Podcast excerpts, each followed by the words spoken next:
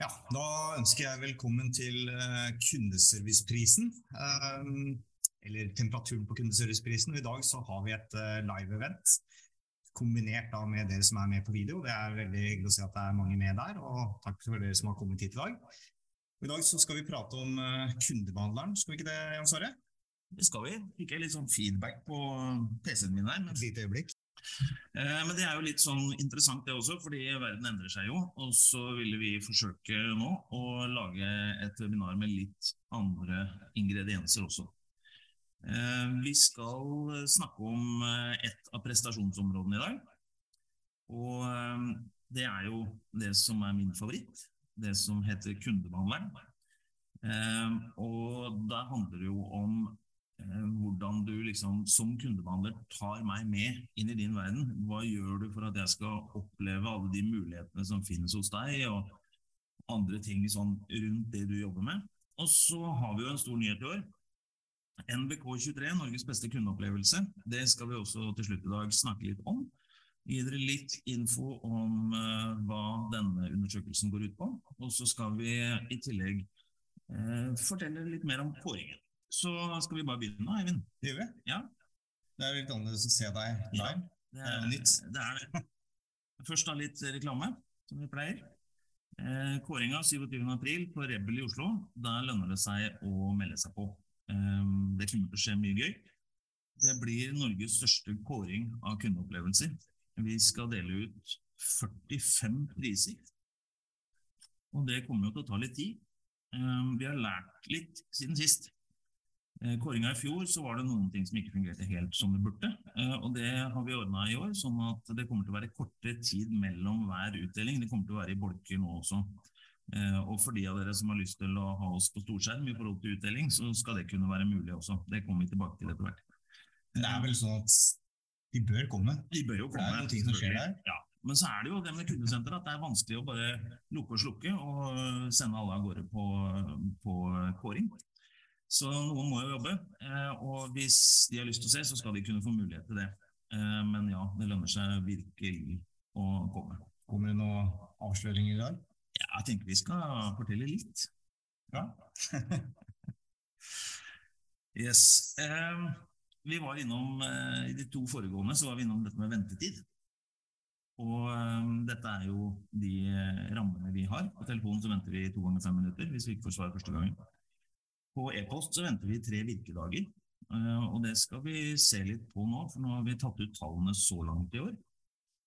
eh, med desembertallene der i parentes. Og på telefon så hadde vi 12% ikke svar i desember. Den er økt bitte litt til 15 det kan jo ha noe å si, eh, dette med strømpriser, renter, det er en del sånne ting da, som skjer. Men det som har overraska meg veldig, er at på e-post så er vi nå oppe i 70% ikke svar innen de tre virkedagene. Og Her kommer kanskje renten inn.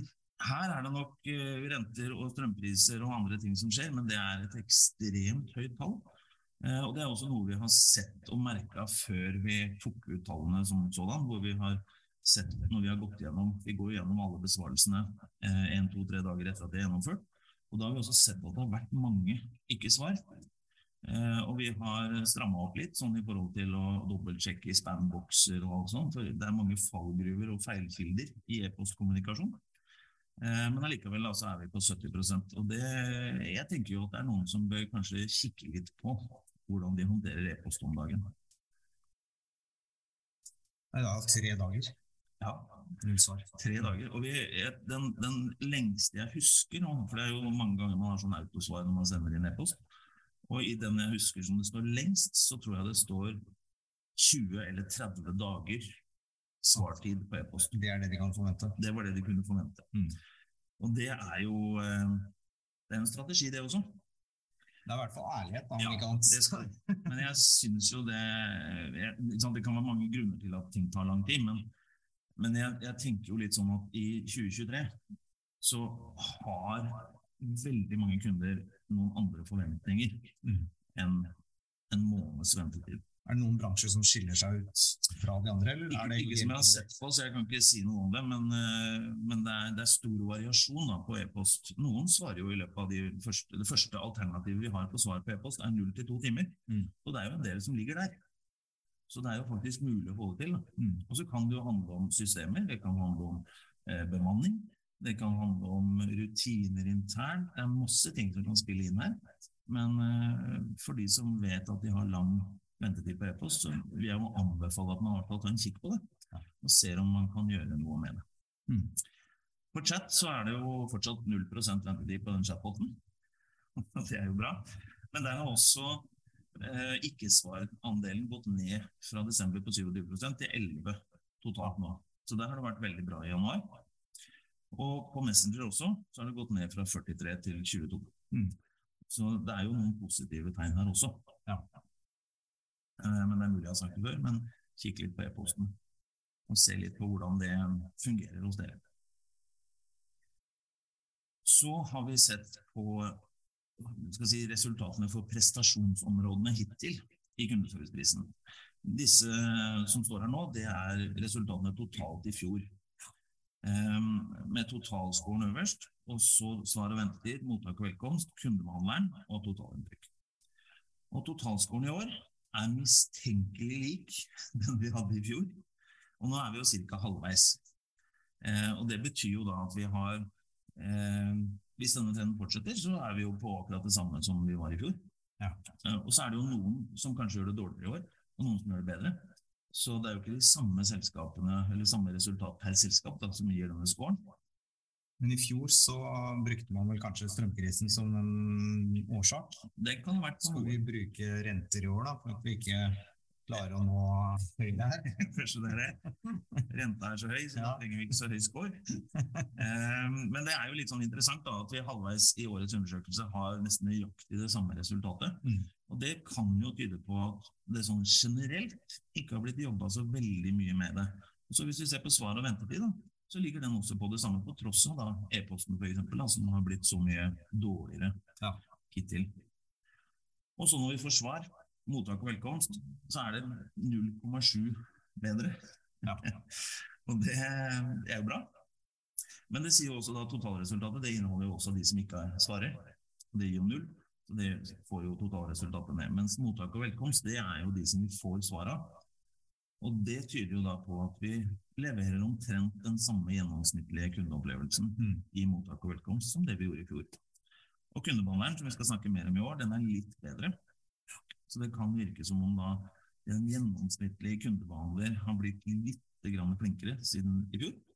Og så er det kanskje noen som ikke har blitt det, som da holder igjen oppgangen. Ja, Det er jo litt interessant med tanke på dette quiet quitting-fenomenet også. Quiet quitting, ja. Og jeg har vært en av de som har hatt mine meninger om det og skriket litt, i hvert fall lagd noen kronikker på det. Mm. Uh, men det at man da fortsatt klarer å ha ansatte da, som klarer å prestere jevnt, i hvert fall når man ser på sammenlignet med en fjor, det er jo da ganske imponerende, faktisk. Ja, og det er jo sånn som jeg har sagt mange ganger òg, at kundebehandleren har jo sannsynligvis Norges tøffeste jobb. Mm. Et sted mellom 50 og 150 kundeinteraksjoner om dagen.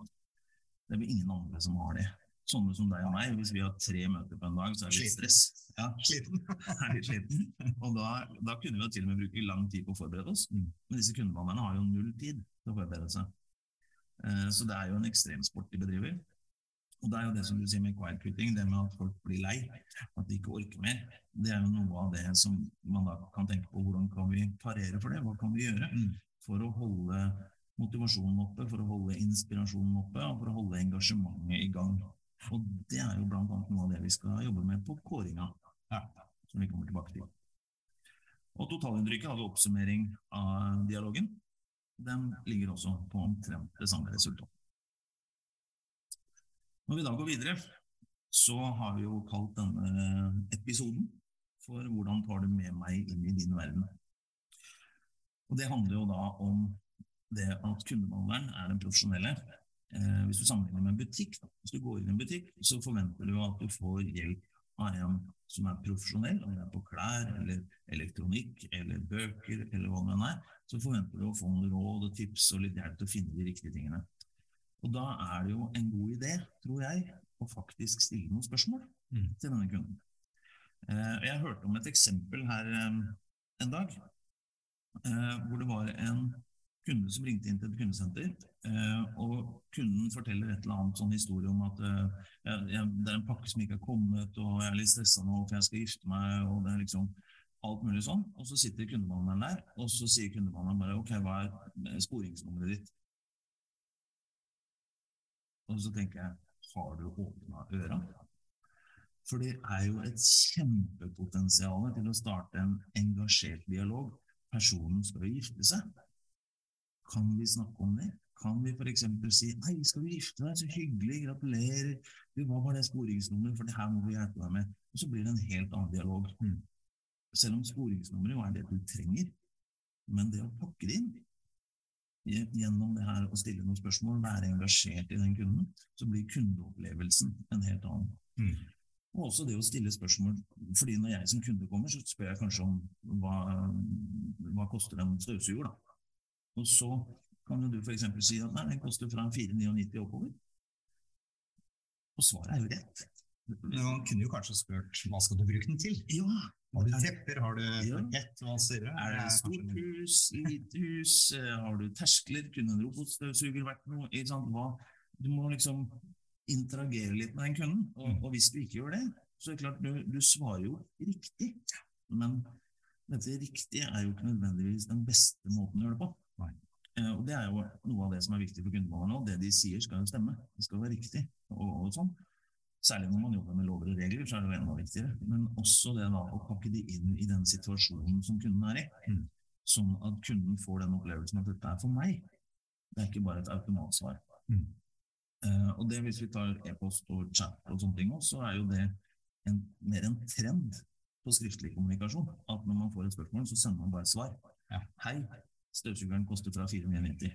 Ja, det er jo mange av de kundesentrene som i hvert fall jeg prater med også, som gjerne har et mål om å få løst saken i ja. første dialog, og ikke fortsette som en seriemonolog. Ja. Eh, og det kan jeg jo forstå på en måte, men samtidig så kan man jo gå glipp av mye verdifull innsikt, da, eller i hvert fall gode svar som kan generere mer business. Ja, og nå er det jo f.eks. støvsuger, så er det jo flere steder man kan kjøpe det. Mm. Og Hvis man sender den samme mailen til to forskjellige, og så får man et svar med koster fra 490, mens den andre så får man noe interesse. Mm. Noen spørsmål om hvilket type hus har du, har du som du var inne på, har du tepper, har du parkett, har du hund? Mm. Eh, det har jeg. Jeg vet det fins eh, spesielle støvsugere for hund. Um, om det fungerer så bra, jeg er litt synge på. Da. Ja, Men uh, jeg er ikke helt sikker på om det fungerer så godt. Men det har jeg kjøpt da, fordi at de faktisk spurte om jeg hadde hund. Mm. Og da var det sånn ja, det var lurt, for den røyte jo feil. Så det, du får et annet inntrykk, og du får også muligheter som kundebehandler i forhold til den kunden ved å stille noen spørsmål. Mm. Og hittil så er det bare 67% som sier at de har fått ett eller flere spørsmål. Jeg gjentar ett eller flere spørsmål om sine behov. Mm. Og det syns jeg jo er fascinerende. Ja, det er jo 33% da, som mm. Kunne potensielt, potensielt kjøpt mer. Ja. Og med våre, våre folk skal jo ikke ha. Men de later jo som helt til slutt, og så må de snakke med kona eller tenke på det, eller et eller annet, så der er vi litt kjipe. Men bortsett fra det, så er vi med på alt. Mens en vanlig kunde, hvis det der er tallet for en gjennomsnittlig kundesenter, mm og 33% eller én av tre får ikke noe spørsmål, så kan det hende at én av tre ikke kjøper det de burde, eller så mye de burde. Mm. Eller de kanskje til og med kjøper feil produkt, for jeg som kunde vet jo ikke nødvendigvis hva jeg burde ha. Det kan jo være jeg tror at jeg vet, men det er ikke sikkert jeg vet. Og så eh, er jo en, en følge av å stille gode spørsmål er jo at du også tar kontroll på denne samtalen. At du er i stand til å styre den, avhengig av hva denne kunden, ikke den forrige eller neste, men denne kunden forteller deg. Mm. Og det denne kunden forteller deg, gjør at det sier klikk, klikk inn i hodet ditt, og så finner du ut at ja, men da skal det den tjenesten, den løsningen, det produktet eller det svaret eller hva det nå er. Og det er bare 71% som sier at kundebehandleren ja, de styrte dialogen godt. Mm. Og da blir det jo litt sånn quiet quitting-tanke, da. Ja. Jeg har levert kroppen på jobb, og så henter jeg den er ferdig. Eller er jeg faktisk på jobb mm. og har lyst til å bidra og gi denne gode kundeopplevelsen. Og der tror jeg, på de to der, tror jeg det er ekstremt mye å hente for ethvert kundesenter. Og hele tida jobbe med kunnskapen rundt da, effekten av dette her. eller da at hver enkelt kundebehandler er klar over effekten av egen atferd. Mm. Hva skjer hvis jeg ikke stiller spørsmål, og hva skjer hvis jeg stiller spørsmål? Og så kan det hende den samtalen blir litt lenger, da. Og da går jo AHT går opp, og køen går opp, og det, det er masse statistikker som ikke nødvendigvis ser så bra ut. Men hva gjør det med kundeopplevelsene? Mm. Så jeg tror dette her er to nøkkelting da, i den dialogarbeidet i et kundesenter. Så jeg har sett litt på resultatene per prestasjon i eh, området kundebehandleren. Og Det første spørsmålet ble du stilt ett eller flere spørsmål. Den oransje det er telefon, den blå er e-post, eh, den eh, lilla er chat, og den gule den har jeg satt som gul, for det er Messenger. Den vil jeg gjerne ha tydelig fram. Ble du stilt et spørsmål, det er noe vi driver med på telefon, tydeligvis, men ikke så mange andre steder. Det, det har vi visst ikke tid til, eller lyst til, eller kompetanse til, eller et eller annet. Fordi det er stor forskjell bare på den ene. Og så er det jo da den andre sida av det. Fordi en kundebehandler har jo to ører og en munn. Så det er jo en god idé å lytte. Det er den oransje her, om det ble lytta til. Mm. Eh, og, og, lytting er jo en passiv sak. Så jeg syns det er et veldig bra tegn at gjennomsnittsscoren er på 90 i, forhold til lytting. Fordi en ting er at du lytter, men at kunden faktisk opplever at du lytter, det er jo ganske imponerende gjort. Og så på skriftlig så spør vi om de forsto behovet, og det er det jo ganske tydelig at man gjør på alle kontaktmåter. Ja. Og så engasjement. Eh, sa du noe om quiet quitting? eh, men jeg tror det er også en annen ting som spiller inn her. fordi på skriftlig kommunikasjon så har vi jo ikke tonefall, ikke kroppsspråk, vi har bare ord. og så kan man diskutere liksom, eh, smileys og emojier og sånne ting. Eh, og noen liker det, noen liker det ikke, så den er liksom litt sånn skummel. Men det er jo en vesensforskjell når du ser på chat og messenger kontra telefon og faktisk e-post i den, det opplevde engasjementet for meg som kunde. Da. Ja, og så tror jeg også Rundt dette med skriftlig så er det jo det er utrolig vanskelig å drive med god skriftlig kommunikasjon. Mm. Uh, og det er Spesielt på kundesenteret i tillegg, fordi man, man, er jo i sitt eget mindset. og Når man ikke hører verken tonefall eller hvordan stemningen er, så er det liksom, da får man to helt ulike opplevelser av den samme dialogen kontra telefon hvor man faktisk kan lytte og høre ok, her eh, kan jeg justere tonefallet mitt. Du får ikke den samme følelsen på det skriftlig, så det, det er jo tydelig at det har, eh, har, noe å si her. Ja, og så er det mange av disse kundesentrene som har ganske tunge fagmiljøer. Mm. Om det er forsikring, bank, eller om det er det offentlige osv. Det er klart, det er veldig stor forskjell eh, blant disse kundene om hva de forstår. Eh, og dette med TBF-er, f.eks., trebokstavsforkortelser og internsjargong og, og sånne ting, som vi tenker at er helt naturlig, mm. men som ikke nødvendigvis denne kunden forstår. Kanskje de ti forrige har forstått det, men denne skjønner ikke. Er det noe vi kan gjøre der for å få at kunden opplever at vi er engasjert i dem fordi vi tilpasser til dem? Det er jo ikke bare snakk om å danse på bordet. Nei. Og så var det dette med styring. Eh, og her er det jo telefon igjen. Da som tydeligvis er den enkleste å styre på. Styre dialogen. Og det er jo naturlig, fordi når du har en dialog på en telefon, så, så kan du hele tida switche litt fram og tilbake, gå tilbake, og det er veldig enkelt å oppfatte om kunden forstår eller ikke. Mens på skriftlig så blir det vanskeligere og vanskeligere. Og der skårer også e-post ganske godt. Og så har vi chat og Messenger. Og Messenger, der er det tydeligvis veldig dårlig styring. Eh, jeg er jo kanskje ikke den største fan av Messenger. Ja, det har vi vel vært inne på et par ganger før. Men, men eh, hva, tror du årsaken, kan være? Tror du det er at kundesenteret ikke har Messenger-kanalen? Jeg har vært inne på det i hvert fall i fjor, at eh, det kanskje har ligget under marked. og da er det andre personer som håndterer det. Kan det kanskje være en av faktorene her? Eller? Det kan at det er så store avvik fra liksom, det vanlige chat til noe annet? Ja, det kan være en av tingene. Uh, og så har vi jo eksempler på at når du sender et spørsmål i år, når du sender et spørsmål på Messenger, så får du først et autosvar om at eh, vi, kon, vi vil ikke kontaktes på denne måten. Og da tenker jeg sånn, hvorfor har du ikke skrudd av Messenger hvis du ikke vil? For det er jo allerede litt sånn trøblete. Og så etterpå så får du et svar om at vi, vi svarer deg så fort vi kan. Mm. Og da begynner da, da er det, Du skaper masse usikkerhet. Eh, og, og, så når vi da får kontakt, så er vi jo kanskje vant til å bruke Messenger privat. Og da sender jeg kanskje deg en melding på Messenger. Da, og så, da kan jeg sende noe som jeg ikke ville sendt til en kunde. Mm. Eh, fordi at du forstår hva vi snakker om, fordi vi er vant til å prate sammen. Mm. Mens en kunde er første gang de er i kontakt med dette kundesenteret. Så de har ikke den samme relasjonen. Nei. Så den relasjonsbyggingen da, på Messenger, den syns jeg det virker som er litt dårlig. Og så er jo da spørsmålet Vi går inn på fagmiljøer, mye fagkompetanse, vanskelige ting. Men se nå her. Vi forstår jo det de snakker om og skriver om. Eh, og våre folk er jo alle mulige mennesker. Det er røftlig 100 observatører med i år. Eh, og det er en stor spredning i alder eh, og kjønn. Eh, 1860 pluss, er det ikke? 18 til mange og 60. Ja. Og i tillegg så er det jo forskjellige bakgrunner, forventninger, kompetanser, forståelser, alt mulig sånn. Og likevel da så ser vi at det ligger rundt 90 i score på om vi forstår det vi får høre. Mm. Og det syns jeg kundemanagerne skal ta til seg. Fordi det virker som de er gode til å oversette kompetansen og kunnskapen sin Ja. til noe som kunden forstår. På tross av at det er andre steder at det kan være litt sånn ja, utfordringer. Og så opplever vi jo kundebehandleren som veldig kompetent, bortsett fra på Messenger. Ehm, og på Messenger så kan det jo også handle om at vi skriver litt kortere, enklere, kjappere. Og på den måten så viser vi ikke hvor kompetente vi er. Kan det være at kundene speiler kunden nå? Det kan også være at de prøver. å. Kunden også er kort, Ja. så svarer de også kort. Ja, det, det er også en mulighet. Og så ser vi på e-post, da. At der er det eh, mye bedre score. Mm. Så, så der, men det kan jo også hende at det skyldes noen av disse e-postmalene som mange har, da, hvor det står masse informasjon. Sånn at ja, du kan alt det her. Mm. Det kan jo være. Og så er vi jo tilbake til en på e-post da stilt spørsmål.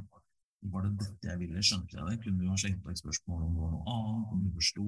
Kunne du ha stilt noen spørsmål underveis? Inni all denne fagterminologien, f.eks.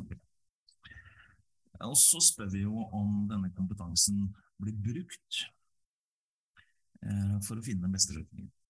Og der er jo variasjonen eh, større.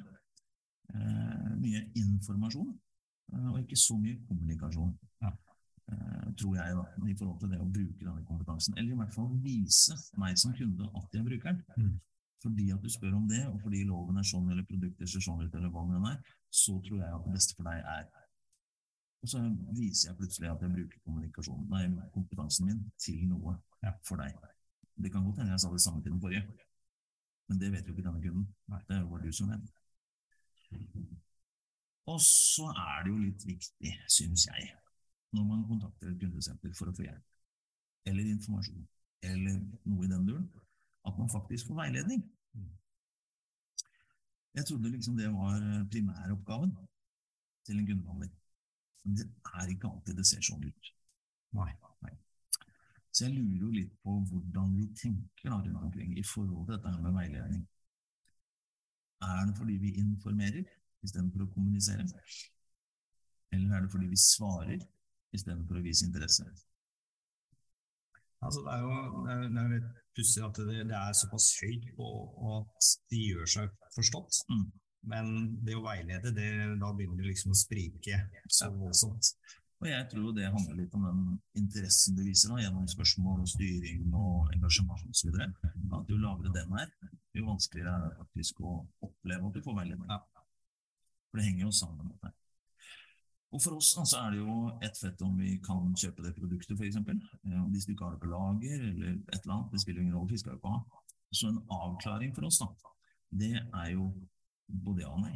Mm. Det er jo en avslutning. Det er jo en vei videre eventuelt. eh, Dra til en annen butikk.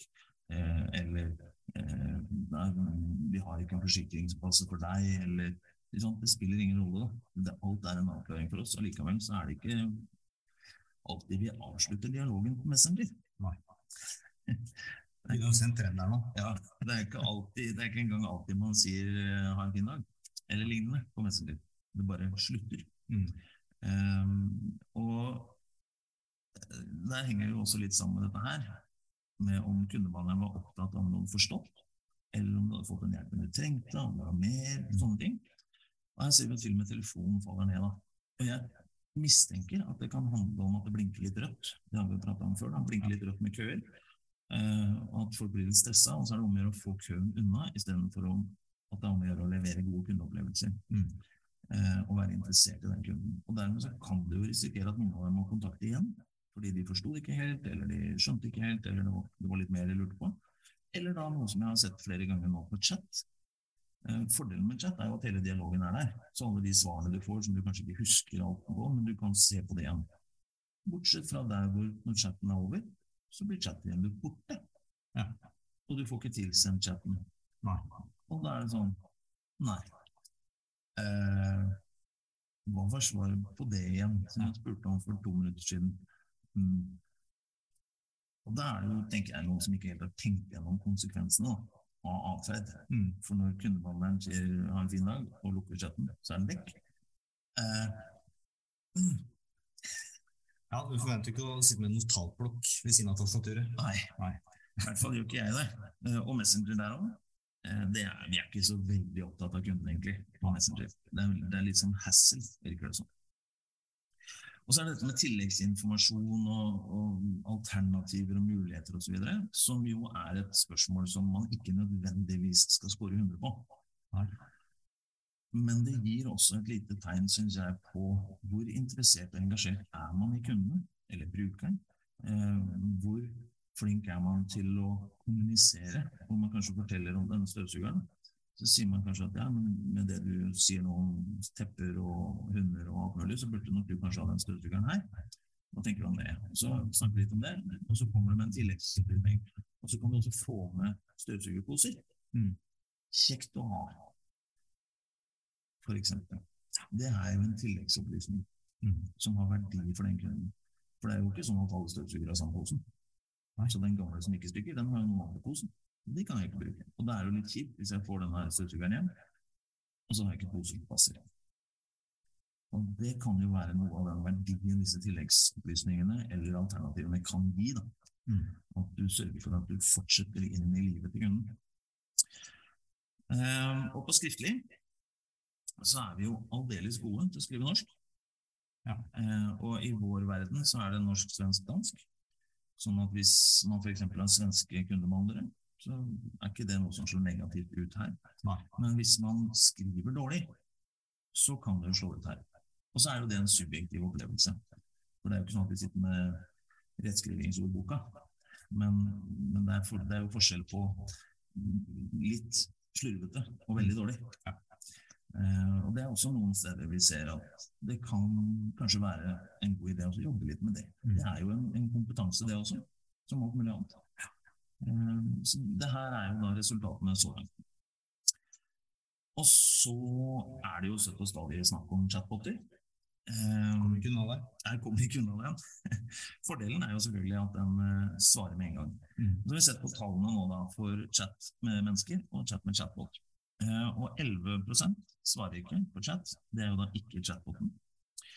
Uh, av de som svarer, så er 21% av totalen da, er chat med chatbot mens 54% er chat med mennesker.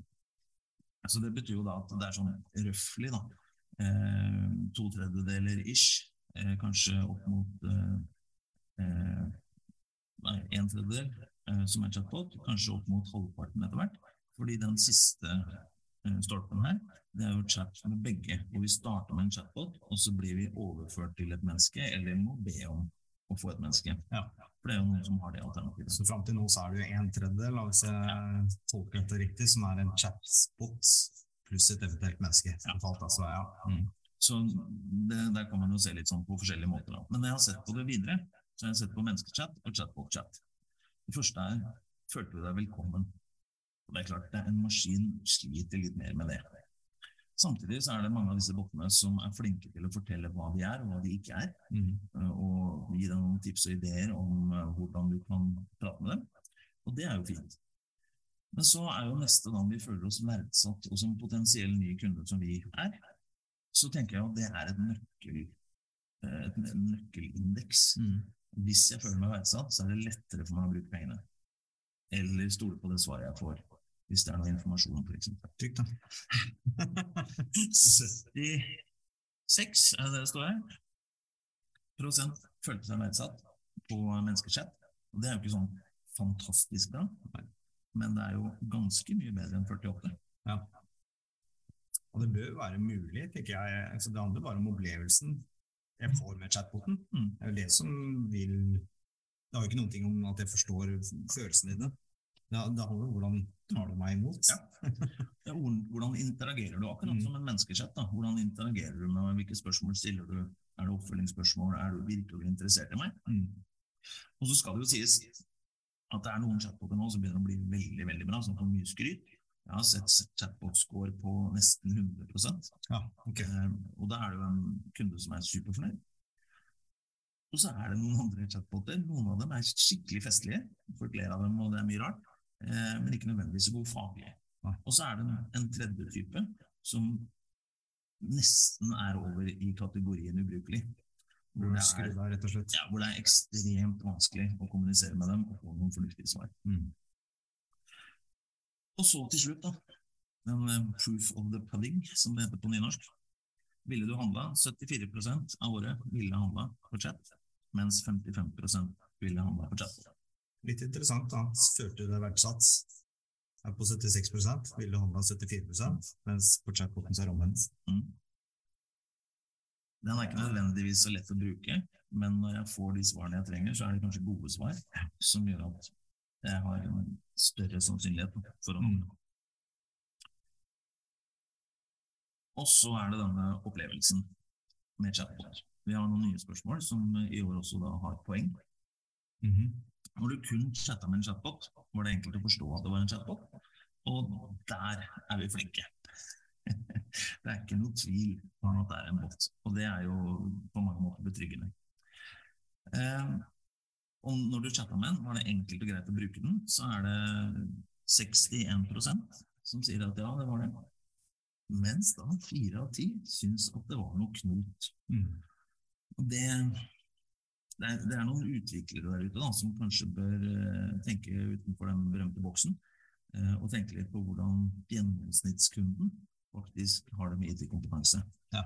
Eh, for det er mye gøy man kan gjøre med chatbot, eh, og det er mye spennende og med den, hva heter den nye, ChatGPT. ja, som jo har fått mye blest, og som kan utrolig mye rart. Så det er, det er jo et kjempepotensial i dette her. Mm. Men det er noen mennesker der ute som ikke nødvendigvis har sittet eh, inne på IT, en IT-avdeling Mm. hele sitt liv. Eh, når du chatter med den chatboten, da, kunne hjelpe deg.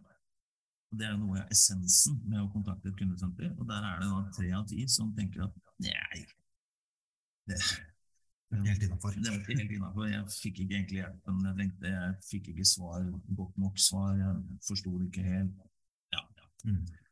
Uh, og det er jo kanskje for noen av de da, så oppleves det litt som kundemishandling. Og det er noe man også bør tenke på i forhold til den euforien rundt eh, AI og sånne ting. At mange syns at det er gøy og spennende og liker det. Men det er også en andel av befolkninga som har litt aversjon med det.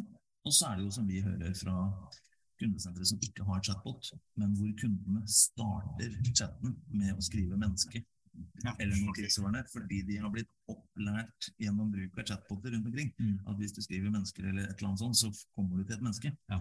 Og da vil de for alt i verden ikke snakke med en chatbot, så det første de skriver, er det. Og da begynner vi å tenke litt på hva er det vi har lært disse kundene. Det er jo litt som du sier, da, IT har holdt på en del år nå. Mm. Eh, Så begynner selvfølgelig teknologien å bli såpass god at det er mulig å få høyere score enn 60 da, eller 6 av 10. Ja, jeg tror det. Det er litt å jobbe med. Uh, og når vi da ser på disse prestasjonene i prestasjonsområdet kundebehandling for chat og chatbot, dette er da chat med menneske. Mm.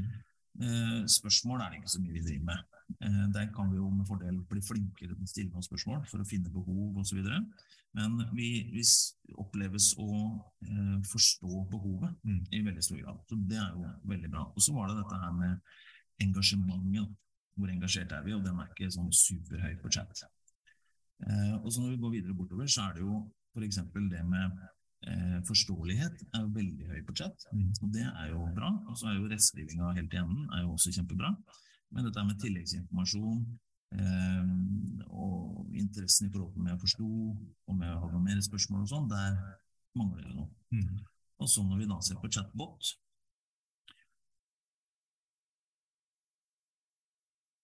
så er den bedre til å skrive. og det er vel egentlig det. Den er enda dårligere til å eh, stille spørsmål. Opplevelsen av at den ikke forstår det du skriver, ja, Unnskyld, forsøk igjen. Litt kortere, litt ja. spesifikt. Ja. Og eh, I år så har vi jo med et nytt prestasjonsområde som ikke har poeng, fordi vi tester for vår del om vi lykkes med å gjennomføre det. Og så er det interessant å se hvordan kundesentrene forholder seg til det. Mm. Og Det er dette GDPR-området, hvor ja. vi er interessert i hvordan du eh, behandler våre personopplysninger, eh, hvordan kan jeg slette det hvis jeg vil det, osv. Og, så og et lite tips da til dere som driver og utvikler chatboter er jo at hvis folk skriver GDPR, så bør du forstå det.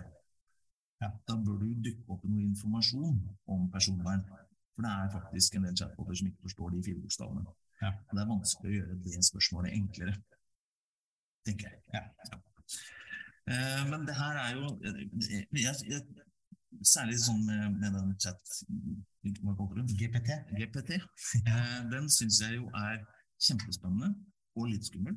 Men det, det, ligger et potensial i automatisering. Det er vi helt enige om. Og det er, det er, jeg veldig nysgjerrig på hvordan det kommer til å bli. Men jeg tror at vi bør være litt mer kritiske. Da. Vi bør kanskje teste det litt bedre med litt mindre kunnskapsrike mennesker før vi slipper alt mulig løs på grunnene. Ja, jeg har jo nevnt det her et par ganger før òg, i forhold til hva er årsaken til at man skal ha en chatbot. Ikke sant? Det handler jo om kundereisen, forbedre den på et eller annet nivå. Da, da tenker jeg liksom at man, man bør plukke ut kanskje topp tre ting da, mm. som, som, som, uh, som, kanskje er de tingene som man ser man kan automatisere. og For alt annet så er det kanskje et menneske som er bedre. og så kan man selvfølgelig bygge noe hierarki rundt det, men, men det handler om får kunden en bedre opplevelse hvis vi gjør dette. Vil det, vil det, bli bedre opplevelse for kunden, eller vil det bare minke trafikken inn til kundesenteret vårt, og så sånn i utgangspunktet, men så kommer de tilbake hvis vi er heldige allikevel. Ja, og så er de kanskje ikke så positive som de var i utgangspunktet andre ganger de kommer. og så er vi Frustrert osv. Så, videre, så det er, det er sånn, ja, evighet. Eh, eller da folk som sier at eh, på kundesenteret som sier at de har hatt kunder som ringer inn, og så idet de svarer, så sier kundene bare et øyeblikk, jeg skal lukke chatten. Ja. Så har de plutselig to køer. Eh, og ja, alt dette her da, er jo utfordringer mm. som vi bør ta høyde for. Eh, så det er litt å jobbe med, men det er et potensial der. Og så er det jo selvfølgelig sånn på masse enkle spørsmål, så er sånn, hvis du spør om åpningstid f.eks., så er jo chatbot helt nydelig. Ja. Fordi det kan den finne ut fort, og du, du, forventer ikke noe mer. Men med en gang du begynner å, å skulle ha noe faglig informasjon, en eller annen dialog rundt en eller annen utfordring med et eller annet fag, om det er forsikring eller bank eller offentlig eller mobiltelefon eller hva det er, så, så er det noe mer. Og så blir jeg jo litt sånn overraska også, for det er jo enkelte av disse svarene som kommer innimellom, som er sånn lese med på våre nettsider. Ja. Det er som, ja, hvor står jeg da? Ja. Det er akkurat der jeg står. Ja. Jeg finner det ikke. Nei. Det er en grunn for at jeg trykket der nede og skal få hjelp. Så det er liksom, ja. Og så er det litt det når jeg kontakter et kundesenter, helt uavhengig av hvilken kontaktmåte, så er det jo fordi jeg ønsker hjelp. Mm. Da er det kanskje litt dumt å sende meg på hjemmesida med en gang. Mm. Sånn, jeg får ikke i hvert fall en opplevelse av at jeg får hjelp tenker jeg. Messenger. Noen selskaper er veldig, veldig dyktige på Messenger. Mm. Men mitt generelle inntrykk av Messenger i eh, kundesenteret er egentlig sånn her. Tog inn i tåka, eller? Tog inn i tåka. eh, ingen å se. Eh, ikke noen trivelig opplevelse. Eh, og det syns jeg at noen selskaper skal ta seg en runde på Messenger og finne ut hva er det vi driver med. For det er mye rart. Veldig, veldig mye rart med Messenger. Eh, og det gjør jeg jo bare fordi at jeg har lyst til at dere skal kunne gi kundene en god opplevelse. Og det er noen som definitivt ikke gir dem en god opplevelse på Messenger. Så ta en liten sjekk på det. Hvordan funker det egentlig? En dag du har hjemmekontor, kanskje. Gå inn og, og prøv en, chat på Messenger og se liksom hvordan er det egentlig. Mm. Så det er, det er, flere muligheter her, eh, og et potensial man kan hente ut på Messenger. Og så er det jo i tillegg da dette med personvern og sånn, som noen har eh, valgt å, å lukke Messenger pga. det. Mm. Det vet jeg ikke nok om til at jeg kan si noe, om, men noen har gjort det. Er det nok ikke feil? Nei, det er i hvert fall noen som ikke har noe å tape på det. Nei. og hvis du først har Messenger-knappen aktiv, så har du jo sagt til kunden at han kan kontakte deg. Mm. Da nytter det ikke å si 'ikke kontakt oss der, ring oss', f.eks. Ja. Det blir litt dumt. Da er det bedre å avslutte den knappen. Yes. Hva sitter jeg igjen med, da, når du har tatt meg med inn i din verden som kundebehandler?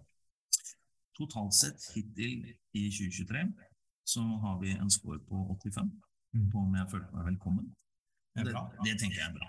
Ja, det synes jeg. Ja, for, sant? Vi har noen Messenger inni her, det er noe e-post inni her, det er noe chat inni her, og selvfølgelig noen telefon. Så det er noen ting som trekker ned, og så er det noen ting som trekker opp. Så det der snittet der tenker jeg er fint. Den kan vi klappe oss på skuldra for, og så kan vi fortsette å jobbe.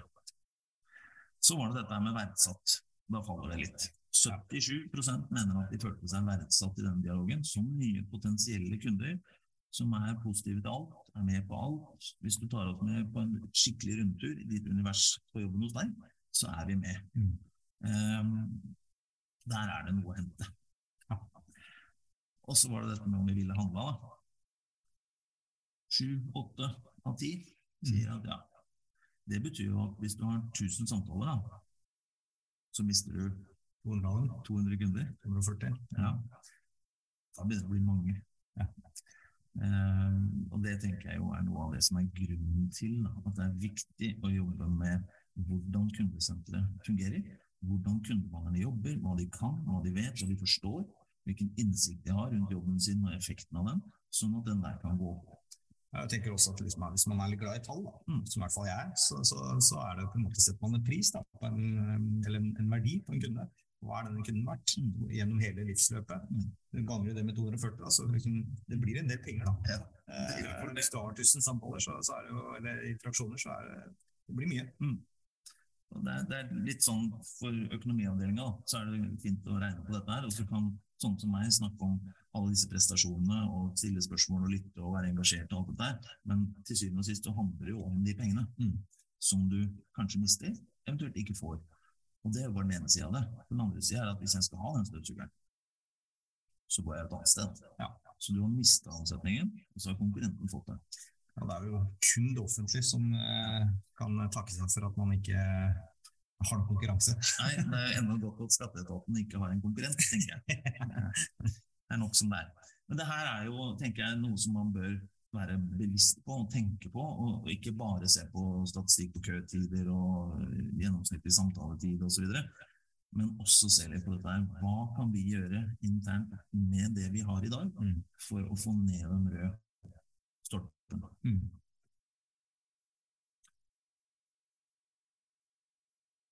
Og så er jo vi litt opptatt av dette her at vi går må utvikle og trene. Og den eneste måten å trene på, eller bli bedre på, er å trene. Så er det jo mange som er støttemedlem på Sats og sånn. Eh, Og jeg har hørt rykter om at det ikke fungerer. Du blir visst ikke i bedre form av å være støttemedlem. Si opp medlemskapet mitt.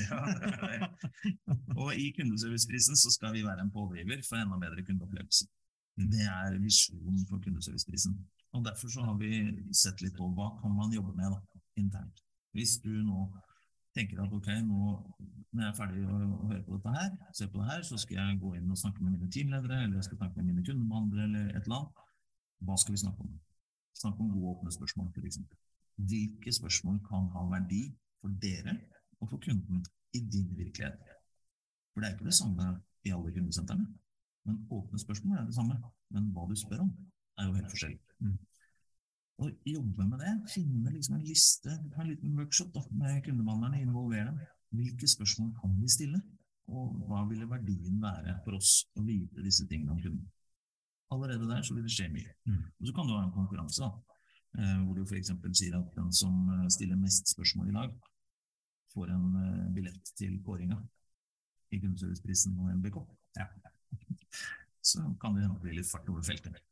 Eh, Men noe av det som er viktig med å stille åpne spørsmål til kundene, er jo ikke bare den informasjonen du får, men at jeg som kunde blir stilt relevante spørsmål, og så svarer jeg, men da forteller jeg meg selv hva det er jeg på jakt etter. Mm. Og det er jo sånn, Hvis du tar eksempler fra når du er på restaurant, eh, så hender det jo at eh, servitøren kommer bort etterpå og har fått maten, og så er du jo interessert i hva du syns.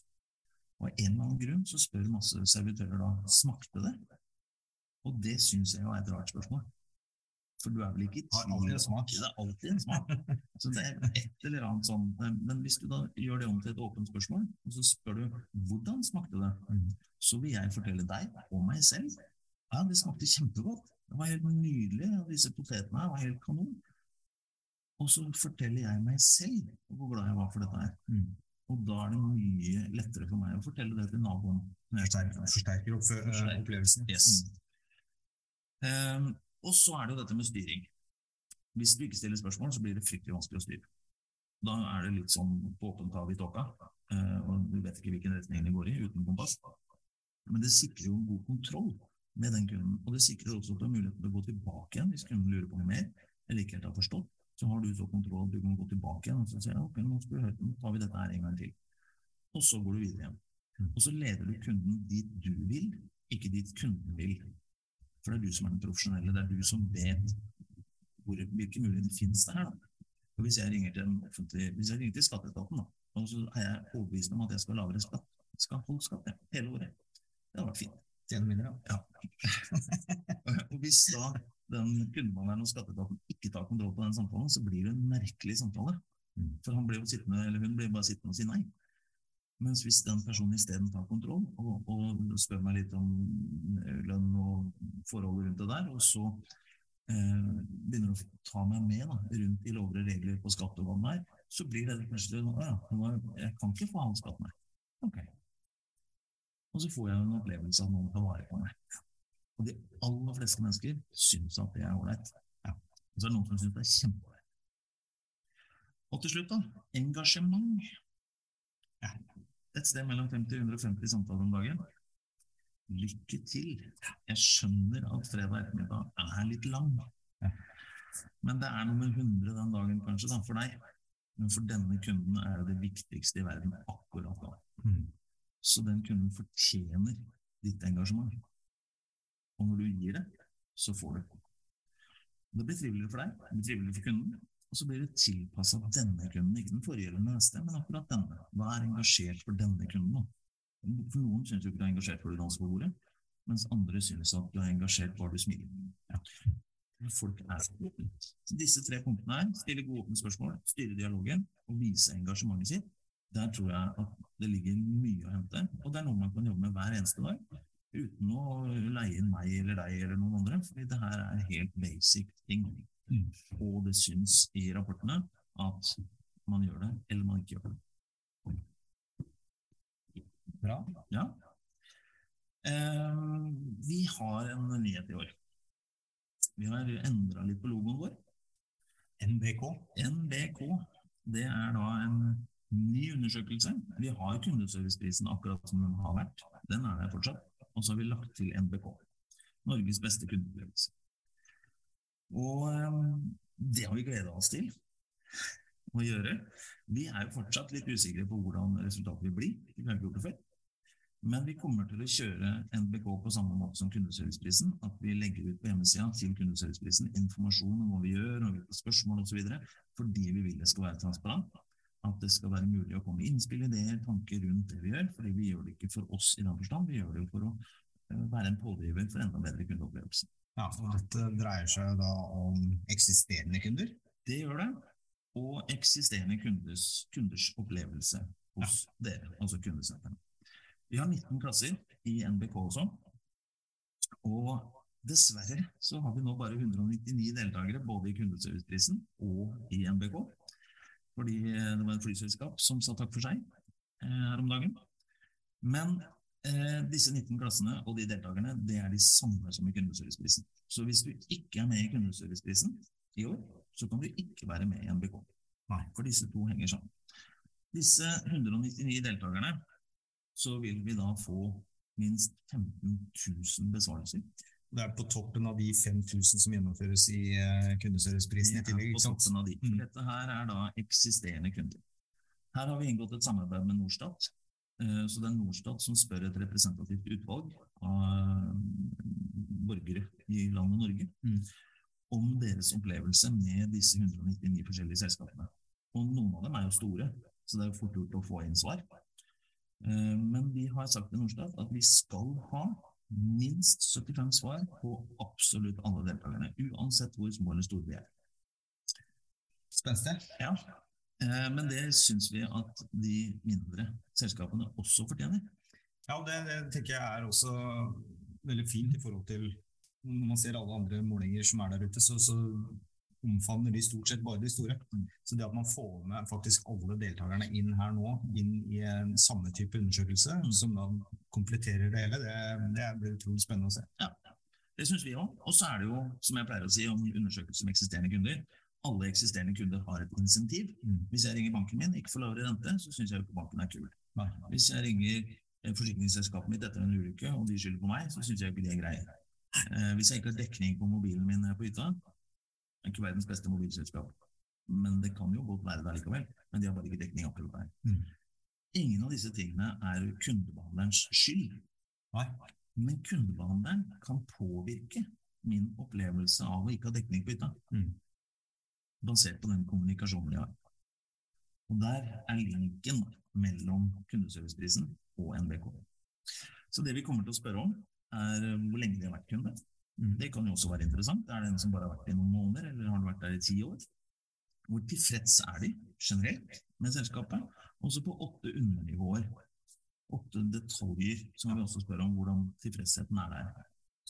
Og så har vi i tillegg et alternativ for de som har vært i kontakt med kundeservice eller en salgsrepresentant, og vi spør om hvorfor var det det. Var det for å få informasjon, hadde du noe feil? Hva var dette her, hva kom da? Og hvor tilfreds var du med den kontakten? Og også da på noen undernivåer, for å få noe mer detaljer rundt hvor ligger eventuelt hunden begravet her. Ja. Og så spør vi også om folk har vært på hjemmesiden eh, og brukt selvhjelpsfunksjonen. Det kan jo være FAQ, det kan være chatbot, det kan være masse forskjellige ting. Fordi Min side. Når, ja, din side osv. Fordi når vi spør folk om dette her, så sier vi jo ikke hva en selvhjelpsfunksjon er. Nei. Så det kommer an på hva folk opplever at det er. Og da spør vi om bruken av det, og enkelheten. Og så spør vi om de som har vært i kontakt med en chatbot. Mm. Hvordan var det? Som eksisterende kunder. Ja. Mm. Skjønte den greia? Klarte den å hjelpe deg? Fikk du svar? Fikk du en løsning? Mm. Så har vi det i kundeserviceprisen. Der spør vi om det samme, det så vi på i sted. Og så spør vi eksisterende kunder, og så kan vi se er det noen sammenheng her. Og alle disse informasjonene er jo med på å knytte de to undersøkelsene sammen, for å se er det noe overførbart. Er det sånn at f.eks. Eh, når vi er i kontakt med kundesenter, så, så syns jeg ikke de eh, er opptatt av behovet mitt. Og så kan vi gå og se på resultatene i kundeserviceprisen, så ser vi at nei, dere stiller ikke spørsmål. Dere lytter ikke, dere er ikke engasjerte. Kanskje vi skulle trene litt på det? Hvor, hvor, eh, hvor lenge siden er det kunden her har vært, kan ha vært i dialog med selskapet for at det skal være relevant i ja. undersøkelsen? Undersøkelsen NBK23 Mm. den pågår nå, Ja. men vi spør om eh, i 2022. Ok, så en eller annen gang i 2022 En eller annen har du vært i dialog, så kommer du med her. Ja. Okay. Og som jeg sa da, dette er første gang. Mm. Så nå gjør vi det sånn, og så ser vi da hvordan fungerer det. Og så vil vi da få liksom, hva disse deltakerne, hva syns de? Er det noen ting de savner, er det noen ting som skulle vært annerledes? Så kan vi ta med det. Og så spør vi også om det er sannsynlig at de fortsetter å være kunder. Og det kan jo være litt eh, skremmende kanskje noen ganger. Og så får vi en CES-score, som vi også har i kundeserviceprisen. Mm. Og CES det er jo hvor lett eller vanskelig var det å få den hjelpen du trenger. Anstrengelsesscore. Ja, kundeanstrengelsesscore. Og så får vi også en NPS-score. Ja. Um, og det handler jo om i hvilken grad vi vil anbefale dette selskapet til venner og, og familie. Og den scoren har vi også i kundeserviceprisen. C-scoren har vi også i kundeserviceprisen. Så de to scorene kan vi jo sammenligne. Så er det noen utslag noen. Eksisterer noen nye? Det eksisterer noen nye kunder, er det noen utslag. Mm. Og det gleder vi oss veldig til å dykke inn i og se liksom hva, hva kan vi finne ut av her. Hva, hva er det vi, hvilke sammenhenger kan vi se? Hvordan kan den ene undersøkelsen komplementere den andre? Og kanskje skape noe ekstra motivasjon for å jobbe med om det er å stille spørsmål eller være engasjert. Eller å sjekke om kunden trenger mer hjelp eller har forstått, eller hva det nå er. Mm. Så det gleder vi oss til. Det blir veldig veldig spennende. Og vi skal jo da dele ut 19 priser her òg, til klassevinnere. Det var du inne på i stad. Altså, I år på prisutdelingen så skal det gå hyppigere. Da skal det gå unna. Vi skal jo da dele ut 19 klassevinnere i kundeserviceprisen, 19 klassere i MBK23. Mm. Og så skal vi kåre den beste i kundeserviceprisen, sånn som vi alltid har gjort. og så skal vi kåre den beste i NBK23, og så skal vi kåre den beste totalt. Ja. En ny hederspris. En ny hederspris som bør henge høyt, for da er du definitivt Norges beste. Da har du Norges beste kundebehandlere i kundeserviceprisen. Du har Norges beste kundeopplevelse i NBK, og da begynner dette her å bli Da er det hele ved. Da er det hele ved. Ja. Og det skal vi jo gjøre den 27. april. Eh, og det er på Rebel i Oslo. Og vi har booka inn disse to gutta her. Kapteinen, Kapteinen i eh, Kompani Lauritzen, han eh, kommer. Og Sigurd Granmark eh, kommer. Disse to gutta sammen skal ha tre og en halv time med deg som deltaker. Inklusiv noen pauser. Eh, det blir noen foredrag. Men når du er deltaker på kåringa i Kundeserviceprisen, så er du deltaker. Da skal du delta. Så det kommer til å være workshops, du kommer til å være i grupper med folk du ikke kjenner. Du får nye perspektiver, eh, du blir kjent med nye mennesker, får et nettverk. Det er masse sånne ting, i tillegg til at du skal jobbe med helt konkrete utfordringer som er knytta til fremtidens kundesenter. Og det gleder vi oss helt enormt til. Så ikke bare skal vi hylle de som har gjort det bra, men vi skal også prøve å hjelpe til å bli enda bedre. Ja, Ja. Vi skal snakke om fremtidens kundesenter. Vi skal snakke om hvordan jobber du med medarbeiderne eh, for å få de enda mer engasjert, for at de skal ikke drive med quiet quitting, for at de skal liksom virkelig være stolt av å jobbe der og virkelig forstå hva de driver med. Vi skal snakke om ledelse. Vi skal snakke om kultur. Hvordan bygger man det, hvordan tar man vare på det, hvordan optimaliserer man disse tingene. Og så skal du sjøl få være med og jobbe med løsninger, sånn at du går derfra med noe helt konkret du kan ta deg hjem og bruke.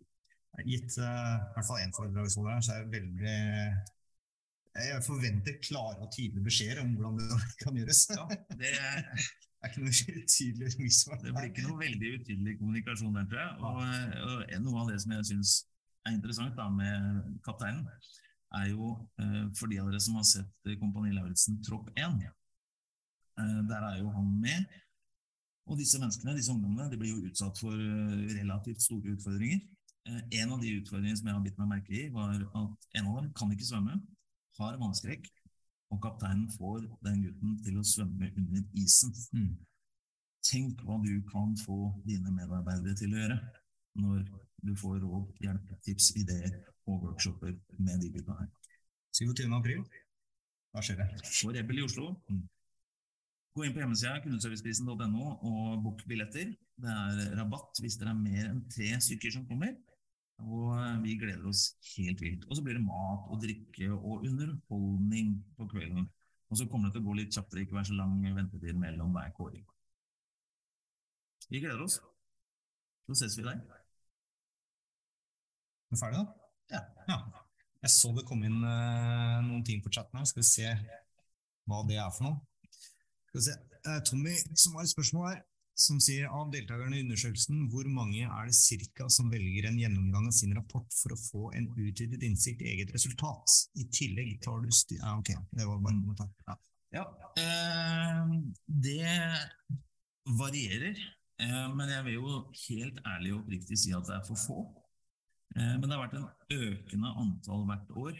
Så eh, vi begynner å nærme oss 40% tenker jeg. Når du sier for få, så er det fordi du tenker at uh, alle burde ha det, ikke sant? Alle burde ha det. Eh, Og én ting er at det koster penger, det er jo greit nok. Men poenget med disse rapportene er jo at du får detaljinnsikten.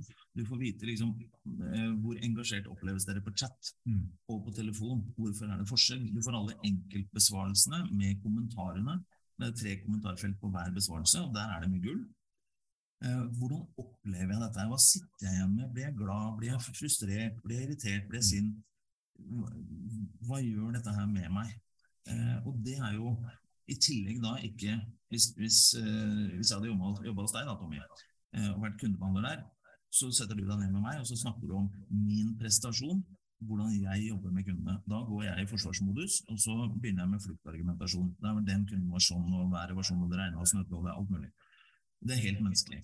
Men når du får disse enkeltbesvarelsene, så er de anonymisert. Så du vet ikke hvilken kundebehandler. Så det er vi som har levert gode, dette gode resultatet, f.eks. på denne henvendelsen. Eller dette ikke fullt så gode på denne henvendelsen. Og da går det an å snakke om hva kommer det av at denne ble god, og denne ikke ble så god. Hva er forskjellene? Hva er det vi gjorde, hva er det vi ikke gjorde, hva burde vi gjort, hva kunne vi gjort? Hvordan kunne vi gjort det? Er det noen ting vi kan lære av dette? her? Og fordi det ikke er meg, så kan jeg være mye mer åpen med tanker og ideer og erfaringer jeg har i min, min hverdag. Eh, Så det er ekstremt mye godt materiale i det. Og så er det jo en gjennomgang av den rapporten. Og poenget med den gjennomgangen er at dere skal forstå og kjenne igjen det som er i den. Fordi det her handler ikke om at vi har fått noen kule tall, men det er sånn hvorfor ble det sånn? Mm. Hva er det som gjør at det ble bra score eller dårlig score, og hvilke erfaringer har vi fra andre steder, hva kan vi se av totalen osv. Sånn at når vi går gjennom den rapporten, så sitter du igjen med en forståelse av hvorfor det ble som det ble. Så kan du ta vare på det som gikk bra, så kan du fortsette å jobbe med det som må utvikles. Hvis vi skal ta en eh, kort oppsummering sånn avslutningsvis, da, så er det Rebell. Mm. Kom og lær hvordan du kan eh, drive fremtidens kundesenter. For workshop, for å ta konkrete problemstillinger som du har på ditt eget kundesenter, og får forslag til løsning på det. Så får prisutdelingen, Mm. og så går du hjem og tar med deg rapporten som dere har laget, Ja. for å jobbe med akkurat de tingene du har lært den dagen. Mm. Er vi ferdige da? Det er Kinderegg, vet du. Så vi gleder oss til 27. april. Eh, Vi gleder oss til å hylle så mange fantastiske mennesker som jobber i verdens tøffeste jobb, tror jeg. Og eh, så fortsetter vi å dele. Vi har to webinarer til Ja som vi skal ha før kåringa. Så vi gleder oss til å se dere igjen alle sammen. Bra. Da får vi takk for oppmøtet alle sammen, og så Ha det godt. ses vi neste gang.